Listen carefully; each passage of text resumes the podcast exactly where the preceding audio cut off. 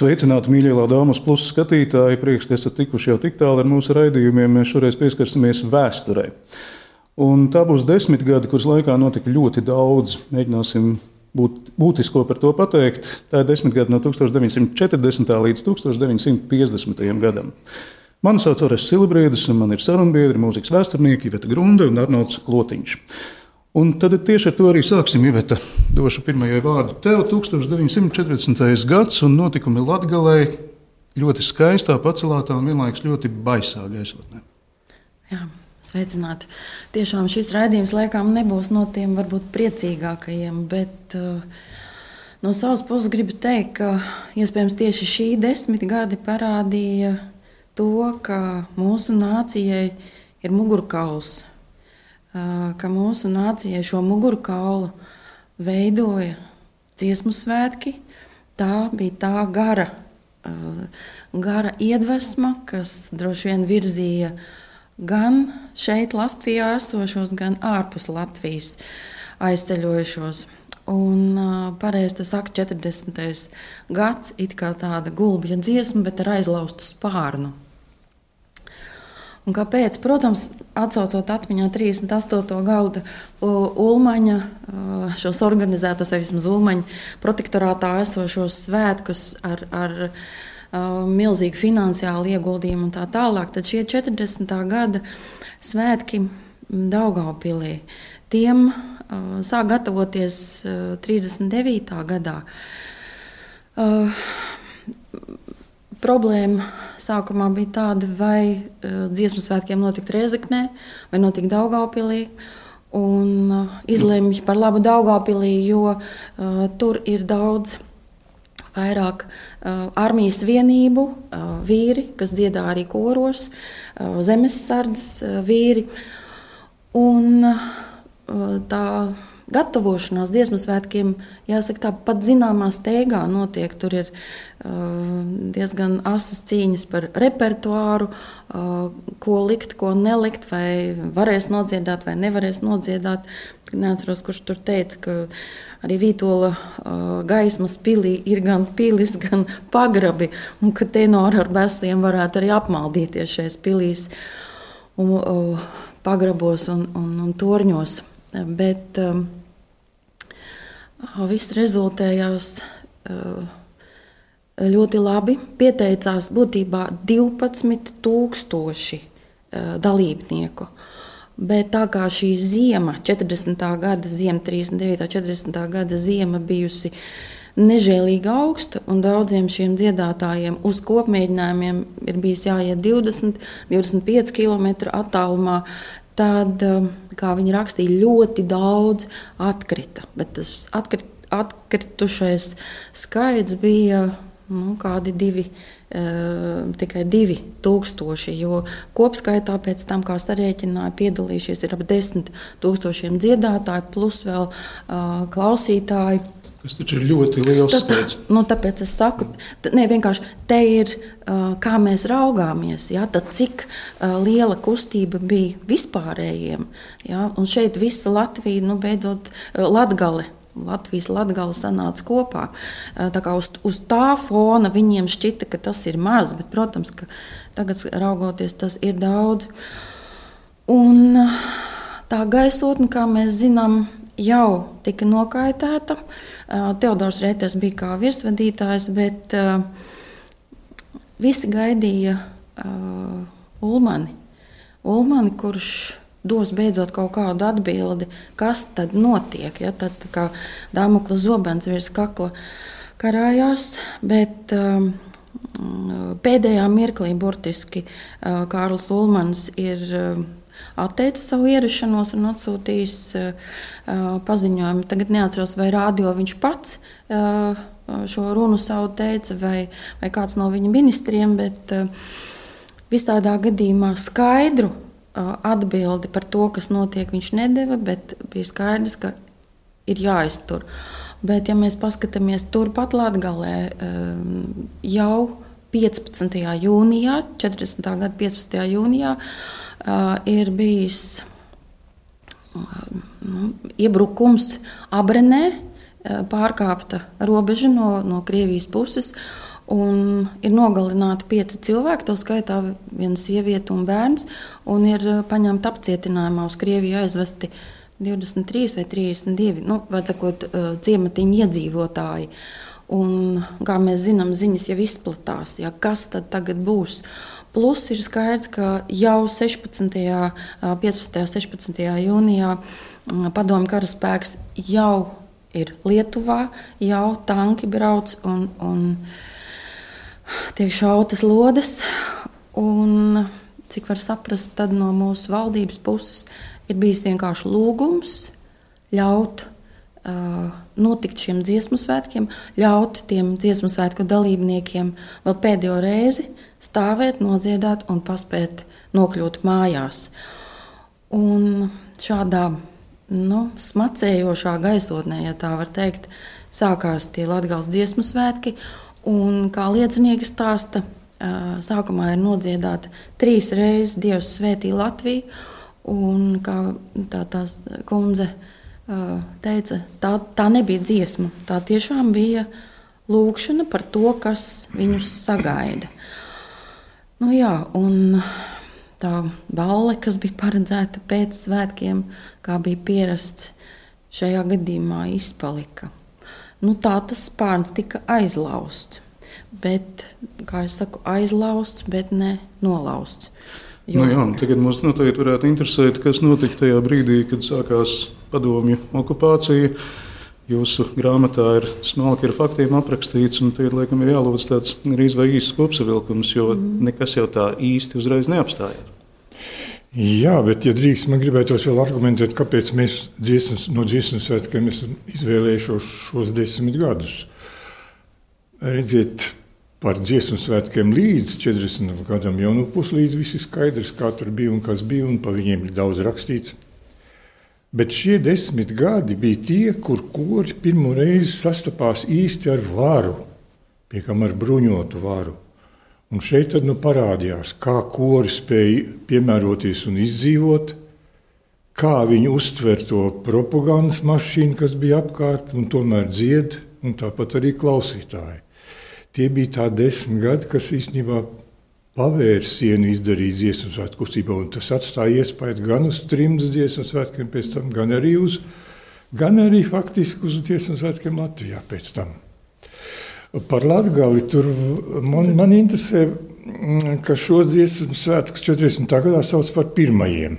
Ja. Bet faktiski Latvijā jau notikuši 35., 36., pat 24. un 25. lokāli dziesmu svētki bijuši. Jā, jā, jā, tie bija lokāli. Bet nu, par to, nu, par to numerāciju, protams, ir pa vēlu rūpēties.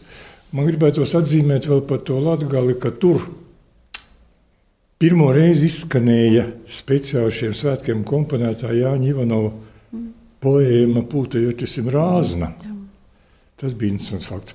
Esot bijis diezgan rūpīgs sagatavošanās tā ziņā, ka esot bijis kādi 15 mēģinājumi dažādās vietās. Tomēr ir apbraukāts. apbraukāts. Un vēl Dziesmu svētki faktiski bija Latvijas kultūras nedēļas kulminācija. Latvijas kultūras nedēļa sākās jau 10. jūnijā, un tad nu, dziesmu svētki bija tā kulminācija. Nu jā, tur bija arī izstādes mm dažādas. Jā, kā jau tas, Viss, kā jau jā, tas ir pieņemts. Jā. Jā. Bet es tomēr vienalga turēšu iekšā jau 40. gada otrajā pusē, un it kā taču varētu domāt, ka padomju vara atbalsta amatieru kultūru un padara to kaut kādā ziņā par propagandas ieroci, bet situācija taču bija pilnīgi citāda. Nu, jā, nu, nodibināja mākslas lietu pārvaldi, kas sākumā nodarbojas ar koriem, bet pēc tam kori vairāk pārgāja kā arotbiedrība ziņā. Likvidēja koru biedrības, tāpat kā visas biedrības, tā likvidēja arī koru biedrības. Un tad kori kļuva atkarīgi no arotbiedrībām. Tur bija ļoti interesanta situācija. Jā, šī ziņā taisni. Bet nekādi dziesmu svētki, protams, nenotika tajā gadā. Ļoti tika stimulēta tā saucamā pašdarbība. Tas ir vārds pārņemts no krievu valodas. Tad amatieru koru kustība tika ļoti stimulēta. Nu, īstenībā, lai pakļautu vispārējai propagandai ne tikai tos, kas strādāja rūpnīcās vai bija armijā, bet arī tos, kas nekur nebija. Viņi, viņus piesaistīja, piesaistīja tā saucamai pašdarbībai. Prominentie kori darbojās, vispār jau kori nekas tā bija sakuplojuši atkal. Bet tur tajā gadā notika tā trakākā cīkstēšanās starp koriem, kuriem uzspieda dziedāt dažas dziesmas noteikti programmā. Un, nu, protams, nerunāsim par cenzūru, kāds nē, bet arī ar vāru, ka noteikti tām jābūt. Piemēram, dziesmu vārds koncertam gadskārtējam darīja zināmu, ka ja viņi nenodziedās internacionāli, ja viņi neliks programmā internacionāli, un ja ne, neliks programmā varena plaša mana zemes dzimtā, tad koncerts nenotiks. Bet ko dara Adolfs Sābele? Viņš ieraksta programmā šīs dziesmas beigās, pašās beigās divas dziesmas ar rēģeliem. Koncerts notiek, zāle pārpildīta, Bet pirms šīm divām dziesmām viņš jau sāk jau piedāvāt dot, un tā tālāk, un tā tālāk. Cilvēki jūt, ka koncerts ir beidzies, vai ne? Lielākā daļa jau iziet ārā. tad, kad iziet, izgājuši ārā, tad notiek šīs, šīs divas dziesmas. Nu, bija nepatikšanas. Tad nākošais noteikums bija, ka nākošā koncertā jābūt trim padomu savienībā komponētām dziesmām. Ko dara Ābele? Viņš izvēlās tautas dziesmas no Ukrainas, no Moldāvijas, no Visurienes, un trešā daļa viņam sanāk. Tā tas koncerts notiek. No Ābelim bija jāsasprāts, bet nu, droši vien viņš nebija vienīgais, kurš, kurš mēģināja izvairīties. Dažādi bija mēģinājumi tādā. Jā. Bet tad, eh, kā tomēr nākas, ka tev koru, ne, laikam jāprecizē, koru bija mazāk vai koristu bija mazāk laikā līdz 41. gadam? Nu, skaitļi tāda lieta, kas nu, skaitļus var atrast tajā ma mazajā brošūriņā, grauzdiņu un grāvītas dziesmu svētku Latvijā. Bet neteiksim, ka 40. gadā koristu būtu bijis mazāk. Jo bija kori, kuri centās pastāvēt tieši tāpēc, ka viņi bija apdraudēti. Ne? Un, nē, ne, es neteikšu, ka bija mazāk kūru. Jā, jā. Principā, ja mēs skatāmies, nu, tas padomju pirmais laiks jau ir tikai gads. Pēc būtības, pēc tam jau nāk um, Hitleriskās Vācijas laiks. Un, ja mēs runājam par uh, um, Hitlera politika, vai drīzāk uh, tā viņa propagandas ministra Gebelsa politika, tad jau Vācijā viņš izdeva 33. gadā uh, pavēli īpašu uzmanību pievērst tieši muzikai. Uh, lai mūzika skanētu gan ne tikai koncertu zālēs, bet, protams, skolās, kazarmās, koncentrācijas nometnēs. Stadioni ar koristiem jā, dziedātājiem. Jā, jā, jā, plus izdeva fantastiski daudz tieši kora dziedā, kora grāmatas, jā, kora dziesmas. Un šeit jau tas pats bija. Jā, nu, jā, jā, viņu laikā laikam, viņi, viņi jau turpināja stimulēt. Viņi esam plastiski jā, aizgājuši jau līdz 41. gada jau, nu, nu, jūlijam, droši vien, jā, jūnija, jūlijas nu, lieksnim, jā. kad nu, tik vien ir izmaiņoši, kā internacionāli nomaina Horsta Veseļa dziesmu. Jā, jā. un Uberālis. Jā.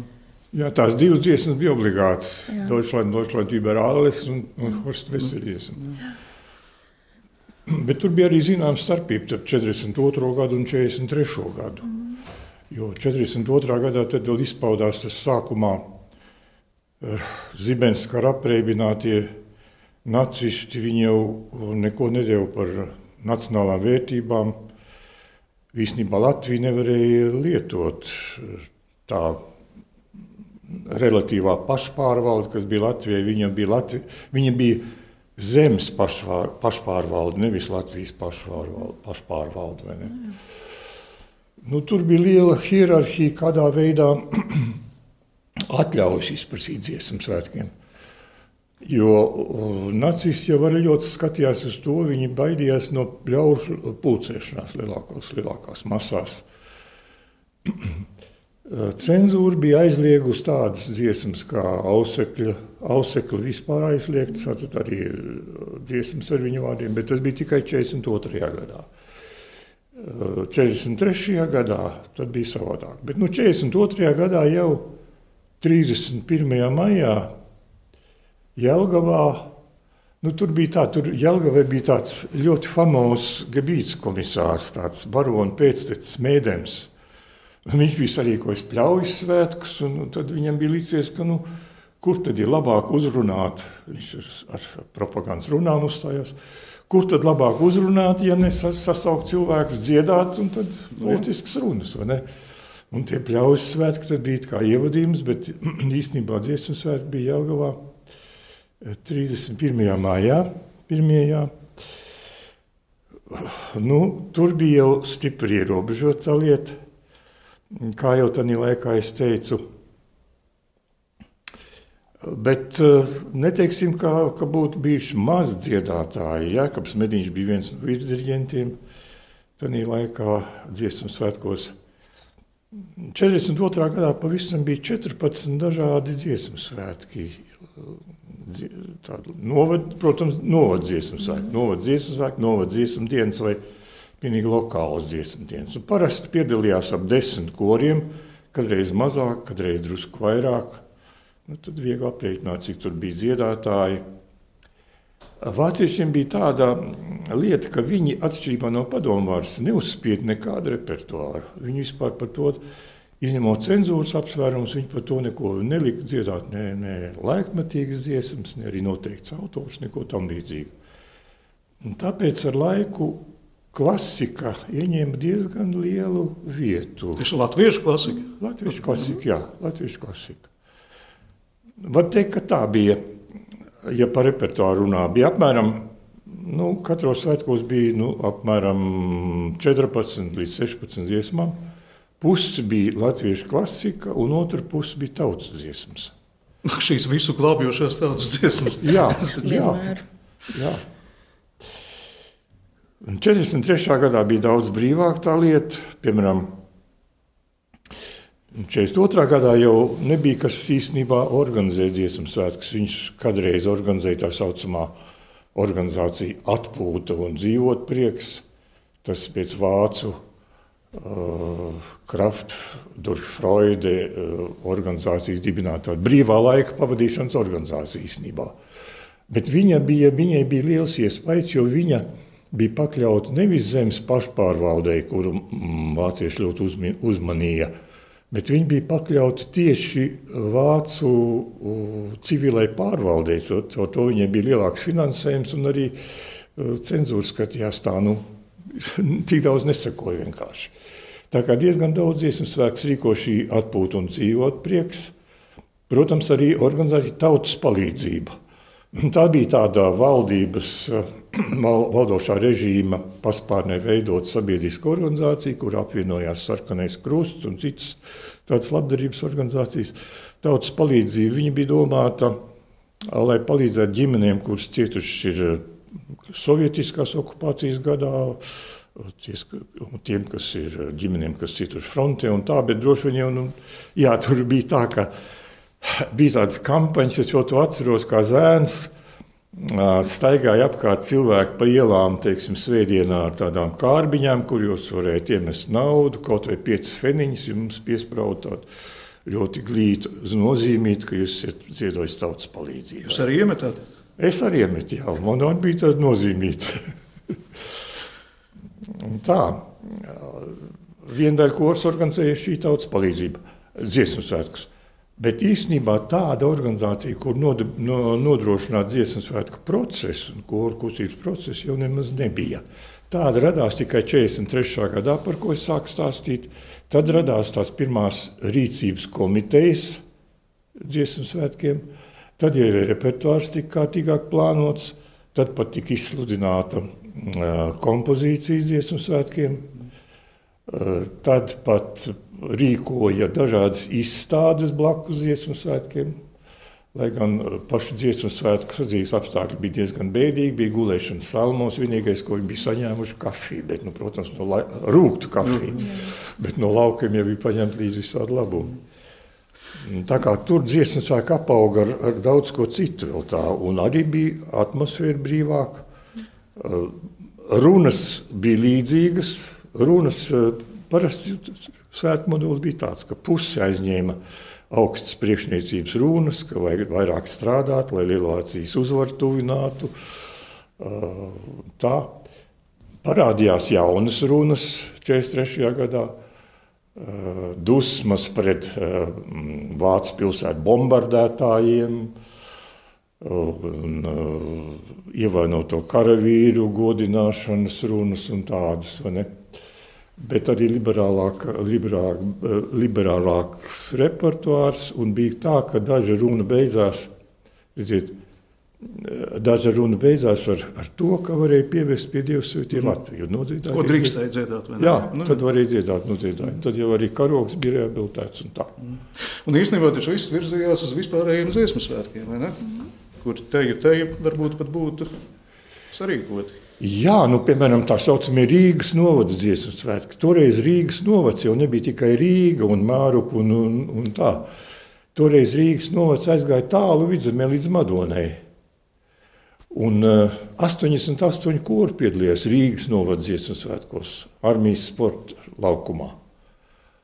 88 kori, un skatītājs bija ap 40 tūkstoši. Tas ir kurā vietā tas ir? Armijas sporta laukums, tas ir Krišāņa Baronielā, tur kaut kur tur. tur ah, tas, kur joprojām ir? Jā, jā. jā tur tālāk uz ah. priekšu. Nu, tur bija tā, ka kori bija izviestojušies tribīnēs, un, un uz laukuma bija soli priekšā priekšskatītājiem.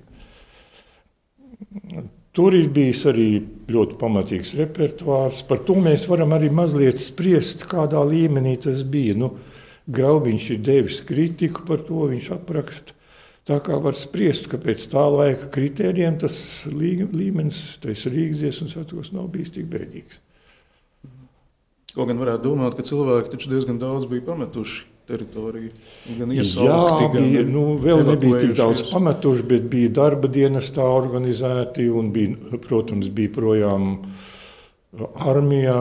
Tāpēc es brīnos, ka smiltenē tika sarīkoti Vidzemes novada vīru kora dziesmas. Un es vīru kora. Jā, jā Dambja vadībā. Tur bija tāds diriģents Akranoms un diriģents Dambis. Smiltiņā vispār arī pēc tam lepojās ar vīru koriem. Un lieli dziesmu svētki bija arī tā saucamie piektie kurzemes novadziesmu svētki Liepājā. Tie arī bija ļoti pamatīgi organizēti ar daudzām izstādēm, ar, ar gājienu, ar gājienu, jā, gājiens arī tika pieļauts un tādas lietas, vai etnogrāfiskie tērpi un tā. Nu jā, un tad pienāca viens brīdis, kad ļoti, ļoti daudzi mūziķi, un droši vien tā skaitā arī koristi, vienkārši pameta Latviju un devās prom. Jā, ļoti daudzi. Un tas, tas proporcijas starp inteliģenci ne tikai dziedātājiem, bet uh, vispār mūziķiem, literātiem, zinātniekiem, skolotājiem procents uh, tajās, tajos simt tūkstošos, kas bija viegli nometnēs, tas bija daudz lielāks nekā proporcionāli rēķinot Latvijā. Mm. Un bija arī tā, ka ļoti daudz koristu jau aizbrauca. Tāpēc jau trimdā uzreiz pirmajā gadā varēja sarīkot pamatīgu, par pamatīgu sarīkojumu. Tas uh, saucamās Franku novada dziesmu dienas, kas notika piecās, piecās pilsētās. Tas bija 46. gads? Tās jā? bija 46. gads, jā. jā. Tas bija 46. Nu jā, kaut kā tā, to ir vispār grūti iztēloties, kāds ir būt, kad zeme un cilvēki un tauta sadalās divās pilnīgi dažādās plūsmās. Un, un kas notiek ar tiem koristiem, kas palika Latvijas Padomju Socialistiskajā republikā? Līdz 48. gada dziesmu svētkiem vēl ir ceļš ejams. Kas notika pa vidu? Jā, tur bija arī ārkārtīgi interesanti notikumi. Tādu lielu koru pasākumu ideja īstenībā padeva Maskavu, kā tas ir bieži. Jo viņi jau kara laikā, aprīlī, pieņēma lēmumu ne, septembrī, 44. gada septembrī, kad 45. gada aprīlī, tātad 45. gada aprīlis, tas ir mēnesis pirms kara beigām, būs vissavienības koru skati, iesaistot Savienotās republikas. Un Rīga jau bija atbrīvota 44. gada oktobrī, vai ne? Tur jau viss vis iegāja padomu sovietiskajās sliedēs. Nu, protams, kā latvieši arī uzreiz, jā, tad, ja mēs varam piedalīties Maskavā, tad uzreiz bija steidzama orgu komiteja un tā tālāk un tā tālāk. un izsludināja nevis dziesmu svētkus, lai gan tas apjoms bija milzīgs. Nu, tur bija ļoti interesanti. It kā, it kā tas nu būtu 45. gadā valsts, padomi valsts Latvijas dibināšanas 5. gadienai, bet to pieminēja tikai mazliet. Bet kas ir pats interesantākais? Par dziesmu svētkiem to nesauc, to nosauc par koru olimpiādi. Bet Vīlis Lācis raksta vēstuli pirms, tiem, pirms tās olimpiādas Miko Kas ir PSRS tautas komisāra padomus priekšsētāja vietniekam, ka mums būs dziesmu svētki. Un tāpēc mums vajadzīgi ir pārtiks kvotu papildināšanu. Uzskaitīts tik un tik dienas, būs tik un tik daudz cilvēku Rīgā, tur vajadzēs tik un tik daudz maizes un tā tālāk. Mikojans bija samērā e, vēlīgs un arī iedeva ne tikai maizes, bet vēl kaut ko tādu. Bet man pārsteidz tas fakts, ka viņš raksta, es arhīvu atradu, viņš raksta vēstuli Mikojanam. Mums šovasar būs dziesmu svētki. Tad prazdņika piesņīs. Ja? Nē, un jā, viņš un latviski viņš uzraksta Kirilicā arī Kirillicā dziesmu svētki. Oh. Tā kā nevar būt pārpratums. Ne, ne? Es domāju, ka tas bija tas cīņš ar Pelšu un Lāci. Lācis bija daudz liberālāks sākumā. jo bija vispār, es teikšu, ka tas pirmais, pirmā, pirmais, pirmie gadi sovietiskajā Latvijā, viņi sadalījās divās daļās no, no ideju viedokļa.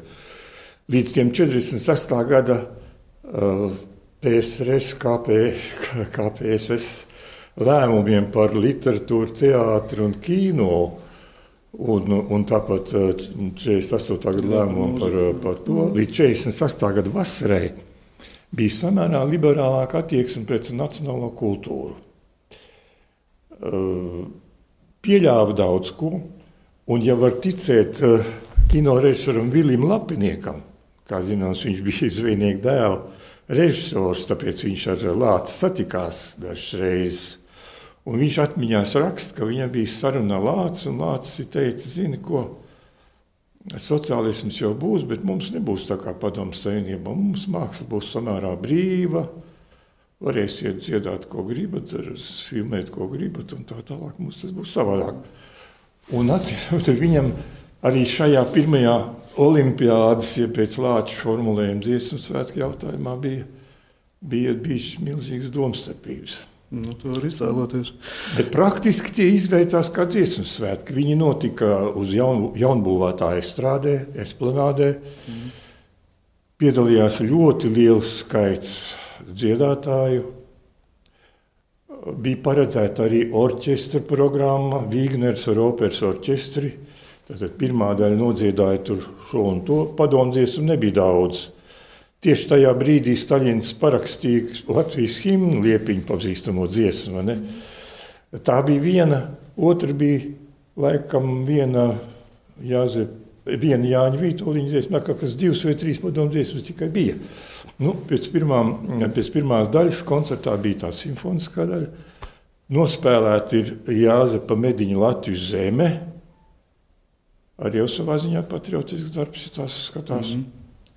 Bet pēc tam uznākusi milzīga lietus gāze, tur bija vēl paredzēti Ivanovs Zilē ezeru un, un citas lietas. Un tad uh, orķestris, protams, ir uh, instruments glābdams, uh, nav vairs turpinājis to koncertu. Bet šeit izrā, iz, izrīzās ļoti interesants jautājums. Arī runājot par, par 48. gada dziesmu svētkiem un 50. gada dziesmu svētkiem. Es 48. gada dziesmu svētkos piedalījos kā skolnieks, skolas korī. Bet man tā aina ļoti labi atmiņā. Esplanāda toreiz bija pilnīgi gluds tāds uh, smilšu mālu laukums. Estrāde bija uzcelta, tā aizmugurē bija Mākslas akadēmija un uh, muzejs. Es tā domāju, jā, un apkārt, apkārt tās alejas ar kokiem tās bija tāpat kā tagad. Bet nu, visapkārt bija kompartijas vadoņu portreti salikti. Nu, nu, tādas planšetes plakāta. Milzīgā, milzīgā formātā. Mm -hmm. Skaļruņi visu laiku izkliedz visādus saukļus, lozungus un tā tālāk. Es iedomājos, ko izjūta tie cilvēki, kuri tur dziedāja. Un ko izjūta arī viena daļa klausītāja. Nu, man tur ir savu, savu, savs apsvērums par to, kā tas bija. Teiksim tā, socioloģiski pētījumi jau toreiz nebija. Bet, ja mēs domājam, nu, ko viņi tur izjūta, jā, socioloģiski pētījumi nebija. Bet mēs varam tomēr iedomāties tās sabiedrības grupas. Nu, viena daļa, apmēram 20, 30 tūkstoši, bija tādi, kuri jau 45. gadā atgriezās no Padomu Savienības. Tie bija vai nu evakuējušies 40. gadā, 41. gadā, vai arī jau agrāk dzīvojuši Krievijā. Tātad tie bija tie.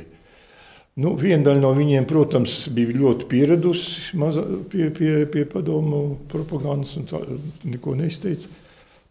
Bet bija starp tiem latviešiem bija tomēr tādi, ir pamats domāt, par tā ir pamats domāt, jo pat, pat Latvijas PSR mākslas ansamblī bija tautas tērpi samonstrēti dažādi no, no, no lietotām drēbēm. Uh, svinēja Līgos svētkus, dziedāja tautsdziesmas, ļoti daudz, lielu procentu tautsdziesmas dziedāja tas korīts Ozoliņu vadībā. Nu, tā kā viens no pulkvežiem, Briežkalns, viņa uzvārds, viņš intervijā teica, ka īstenībā jau mēs domājām tikai par to, kā, kā ātrāk atgriezties dzimtenē pie tuviniekiem, nevis par patriotismu tik daudz. Ne? Tā kā tāds nacionālais moments bija arī tur. Kaut arī repertuārs bija šaušalīgs diezgan, un, un latviešu Nu, klasikas Maskavā, nebija, jā, nebija nu. daudz. Nē, nē, nē, bet arī Rīgā. 48. Rīgā repertuārs bija šaušalīgs, jā, bet kāpēc? Bet, bet tagad es teikšu tā.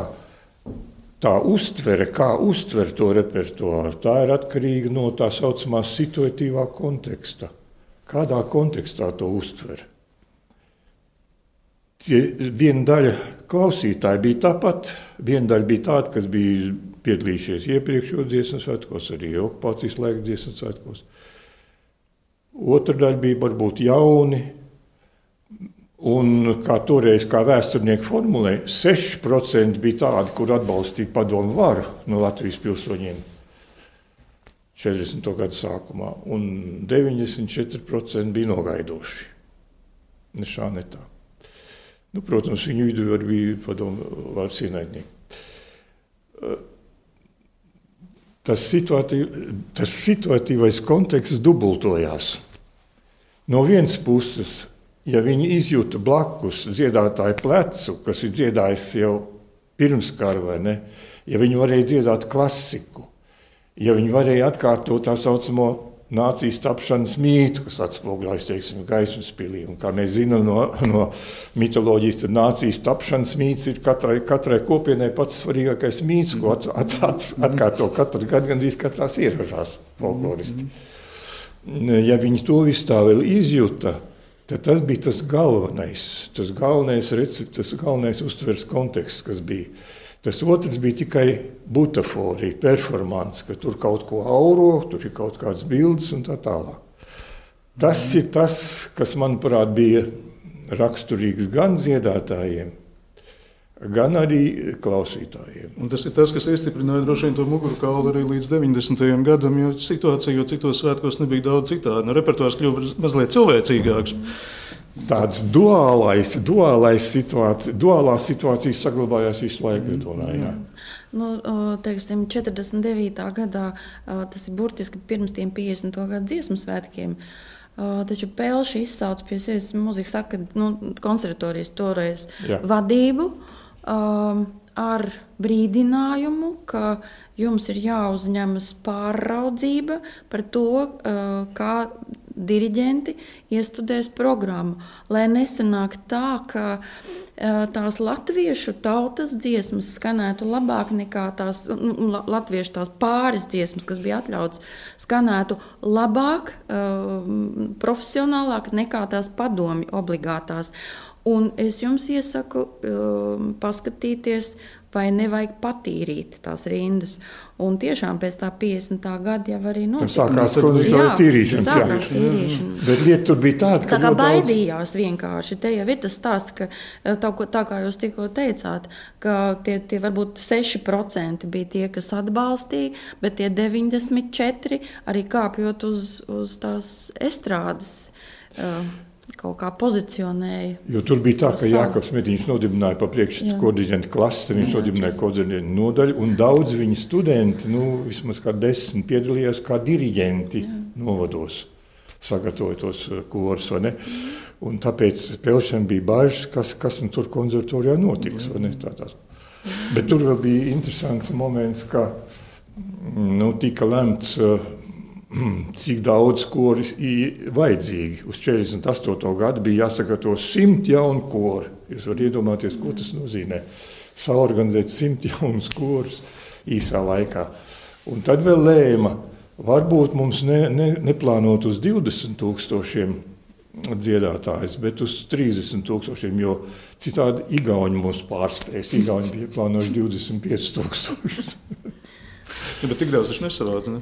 Koluzu. Tik daudz taču nesavāc, man liekas. Ne? Nē, tik daudz nē. nē. nē. 48. gadā bija de, eh, dziedātāji bija 19,000 kopā ar bērni, bērnu koriem.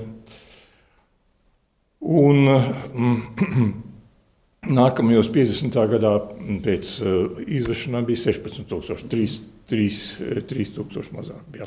Tas arī nebija pievērsts uzmanību tam, Ivet, ko tu teici par virsdiriģentiem. Nu, labi, Alfrēds Kalniņš, cik viņš bija diriģējis, laikam, divos svētkos pirms tam, ja? pirms, pirms 40. gada, bet nu, Melngēls tomēr bija drusku, drusku aktīvāks. Un tiešām izrādās, ka viņi bija tikai kā godas. Jā, jā. jā tad, viņi, protams, tika, tika uzaicināti, un viņiem vajadzēja šajos 50. gada dziesmu svētkos diriģēt, bet gan viens, gan otrs nu, atteicās to darīt. Nu, Melngēlim vispār tā vecākā meita meita Linda pirmo reizi 45. gadā bija izsūtīta, un pēc gada atgriezās. Un 49. Jau gadā atgriez, viņa jau ar, ar uh, visu ģimeni tika mm. izsūtīta. Nu, ir, ir skaidrs, zinot mm. vēl Melngāļu. Mm, vispār dzīves. Kalniņš vispār trauks. neieradās. Kalniņš neieradās, jā. Melngājas pirmajos, tas ir 48. gada dziesmas svētkos, ir 48. gada dziesmas svētkos, pilnā vārdā saucās uh, vēl samērā cilvēcīgi. Latviešu dziesmu svētkus 75 gadē veltītie padomu Latvijas pirmie dziesmu svētki. Jā. Bet nākošie jau bija desmit gadi padomu vārds pastāvēšanai. Nu jā, varbūt mēs varam vēl sarunas noslēgumā veltīt dažas minūtes tam, kas notika Eslingenē, tam, kas notika Anglijā, arī pēc tam.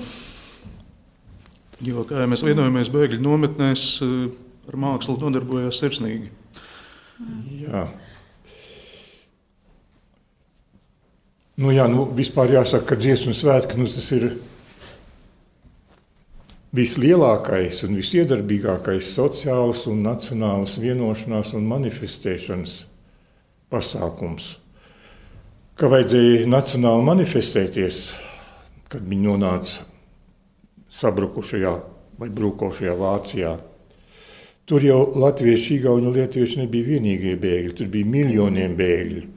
Vienā pašā Berlīnas dzelzceļa stacijā esot miruši desmit eh, cilvēku dienā no bada. Tur bija bats un, un, un, un latvieši negribēja palikt tikai kā tāda bēgļu grupiņa no kaut kādas teritorijas, jo viņi galvā viņi sevi izjūta, vismaz inteliģenti sevi izjūta kā to tautas daļa, kura vienīgā var eh, starptautiskai sabiedrībai pastāstīt patiesību par to, kas notika. Un viņi gribēja sevi manifestēt kā, kā nacionālas valsts uh, kultūras izpausme. Otrakārt, laiks bija, laiks, laika bija samērā daudz bēgļu nometnēs, jo strādāšana bija tikai pašas nometnes uzkopšana īstenībā. Sākumā atļauts, atļauts strādāt nebija. Bet uh, Rietumvalsts jau apgādājas īpašām organizācijām, finansēja un apgādāja ar, ar, ar pārtiku tās bēgļu nometnes, tā kā varēja izdzīvot. Laika bija daudz, un nevelti tie dziedātāji no, no nacistu okupācijas laika. Starpēc nacistu okupācijas laikā notika 42. gadā 14 dažādi dziesmu svētki visur šur un tur laukos. Un 43. gadā notika gandrīz 20, vairāk kā 20, gandrīz 25, 24. Tā kā tur bija daudz aizbraukuši arī tie dziedātāji, kam jau tas dziesmas bija galvā. Un 46. Eh, gadā tika tas sarīkots, tas Franku novadziesmu dienas, un tā bija amerikāņu zona, Dienvidvācija vairāk, un Ziemeļvācijā arī sakritības dēļ tieši tādā pašā 48. gada datumā, kad notika pirmā Franku novadziesmu diena Fišbahā, arī Gestachtā, netālu no Hamburgas, notika tā saucamā Elbas novada latviešu dziesmu diena. Pēc tam bija Eslīngas dziesmu svētki, un tad vēl bija 48. gads. Tad bija dziesmu svētki, pirmo dziesmu svētku, atceres dziesmu svētki. Un tad pirmo reizi 48. gadā noziedēja laustās priedes, pie mums tikai 50. gadā. Tā kā tie kori bija samērā arī labi. Mm. Nu jā, un kaut kur atmiņās par Eslingenu rakstīts arī, ka tas bija mēģinājums uzbūvēt vismaz uz mirkli tādu iluzoro Latviju, respektīvi paņemt teritoriju garīgi un arī kaut kādā ziņā varbūt fiziski. Drusku. Tā Eslingena esot bijusi ļoti, ļoti latviska tajās dienās. Jā, Eslingena jau bija tāda, ka tur bija amerikāņi izturējās pret vāciešiem diezgan rezervēti. Vienā otrā gadījumā naidīgi sevišķi pret Nacionālo sociālismu partijas biedriem. Un Eslingena bija viena no tām pilsētām, kur uh, amerikāņi lika izvākties ne tikai no daudz dzīvokļu mājām, daudzos gadījumos, bet arī no privātu mājām bijušos uh, nacionālsociālistus. Un tur ievietoja latviešus. Un atļāva latviešiem nodibināt savu pašvaldību. Viņiem vieslīgenē savu pašvaldību. Tur jau tas ir garš stāsts par to. Mm, tās attiecības reizē ar vācu iedzīvotājiem bija saspie, sas, saspīlētas, bet Bet tomēr tā tas notika, un Vācu pašvaldība, kur jau toreiz pastāvēja, viņi to, to arī tā pieņēma, ka tā varētu būt. Nu, viņiem nekas neatlika. Tad, kad uh, nometni likvidēja, tad uh, atdeva atkal mājas un atdeva dzīvokļus, pie kam kompensēja arī teiksim, to nolietojumu, kas ir bijis un tā tālāk. Amerikāņu varas iestādes. Bet uh, tur bija latviešu liela, liela Viņi ievēlēja savus uh, izpildu komitejas, un viņiem bija sava tiesa un sava policija un tā tālāk. Un tā tālāk. Jā. Nu, un tad, jā, tad virziens uz Angliju, Zuikas panākumi. Un pēc tam jau viss tā komūna vēl uz Ameriku, Austrāliju vai ne, Kanādu. Jā. Anglija bija tā valsts, kur bija uz kuru pirmie emigrēja. Pirmie bija tie saucamie Baltijas gulbīši, tas ir organizēja, sāģistēja 200, 2000 medmās, un kā angļu avīzes rakstīja, Tās, tas ir materiāls, tīrs pēc gara un miesas. Tas mums labi var noderēt. Mums laikos tā vairs nevarētu rakstīt. Jā, nē, tā viņa tā. Citēt var. Un, uh, tur jau bija sautīgs interesi, lai būtu darba spēks. Ne? Un eh, pēc tam 15,000 eh, ogļraču vīriešus organizēja. Tā kā Anglijā bija diezgan daudz cilvēku jau 46. gadā. 46. gadā bija pirmais, pirmā emigrācija, lai gan vēlāk nometnes likvidēja tikai 49. 50. gadā. Un, eh, Alberts Jārums nonāca Anglijā 47. gadā no Vācijas. Viņš bija Detmoldā līdz tam ar Jāzi Pīto, tur dzīvoja vienā vietā. Tā. un viņš, viņš bija ārkārtīgi fantastisks cilvēks, gandrīz avantūrists. Viņš uzreiz 47. gada iebrauc, mums vajag kori. Un, lai gan izpējas bija mazas un attālumi lieli, viņi bija izklīdināti pa visu Angliju, tāpēc, ka noteikums bija, ka sākumā ir divi gadi jānostrādā vienā lauksaimniecībā vai ogļu rakšanā vai kaut kur tādā. Lai gan, lai gan e, attālumi lieli, nē, Londonā būs kurs. Londonā nav darbības kurs, bet to, ar to nepietiek. 48. gadā ir kurs, 49. gadā vajag dziesmu svētkus. un to viņš dabūja cauri un bija dziesmu svētki. Jā. Ne, viņš bija apbrīnojis. Dziesmu dienas. Dziesmu jā, dienas. Viņš, ne, viņš faktiski viņš tikai kautrības dēļ esot, to sauc par dziesmu dienām, bet pēc tam bija vēl, es domāju, 11 dziesmu dienas. Arī pēc viņa nāves. Nu jā, tad viņa vēl lielā grandiozā ideja par pasaules brīvā latviešu tikšanos Gotlandē, bet tā jau ir laikam citas reizes saruna. Es jau baidos, ka mēs būsim klausītāji tāpat jau nogurdinājuši ar ļoti daudziem faktiem, bet Laikam bija ļoti svarīgi parādīt šo desmit gadi no 1940. līdz 1950. un es domāju, viss, ko Iveta un Arnolds jums stāstīja, par to jūs arī pārliecinājāt. Tālāk jau mēs katrs pats varam meklēt detaļas, un citu 48. un 50. gada dziesmu svētku programmas var atrast tīmeklī, nav nekādu problēmu novērtēt, kādas dziesmas tika dziedātas, kas diriģēja, kā garnizona orķestrim, kādi bija uzdevumi. Un, Un kaut kad jau to visu droši vien arī varēs dzirdēt kaut kādā visiem pieejamā arhīvā. Es ļoti, ļoti ceru, ka mēs sagaidīsim to brīdi, kad dārgums neslēpsies tikai radiofonotēkā vai šmerļa arhīvā. Lielas paldies Ivetai Grundai un Arnoldam Klotiņam par šo ieskatu, par šo pieskārienu desmitgadē, kuras laikā notika ļoti daudz. Paldies par uzmanību!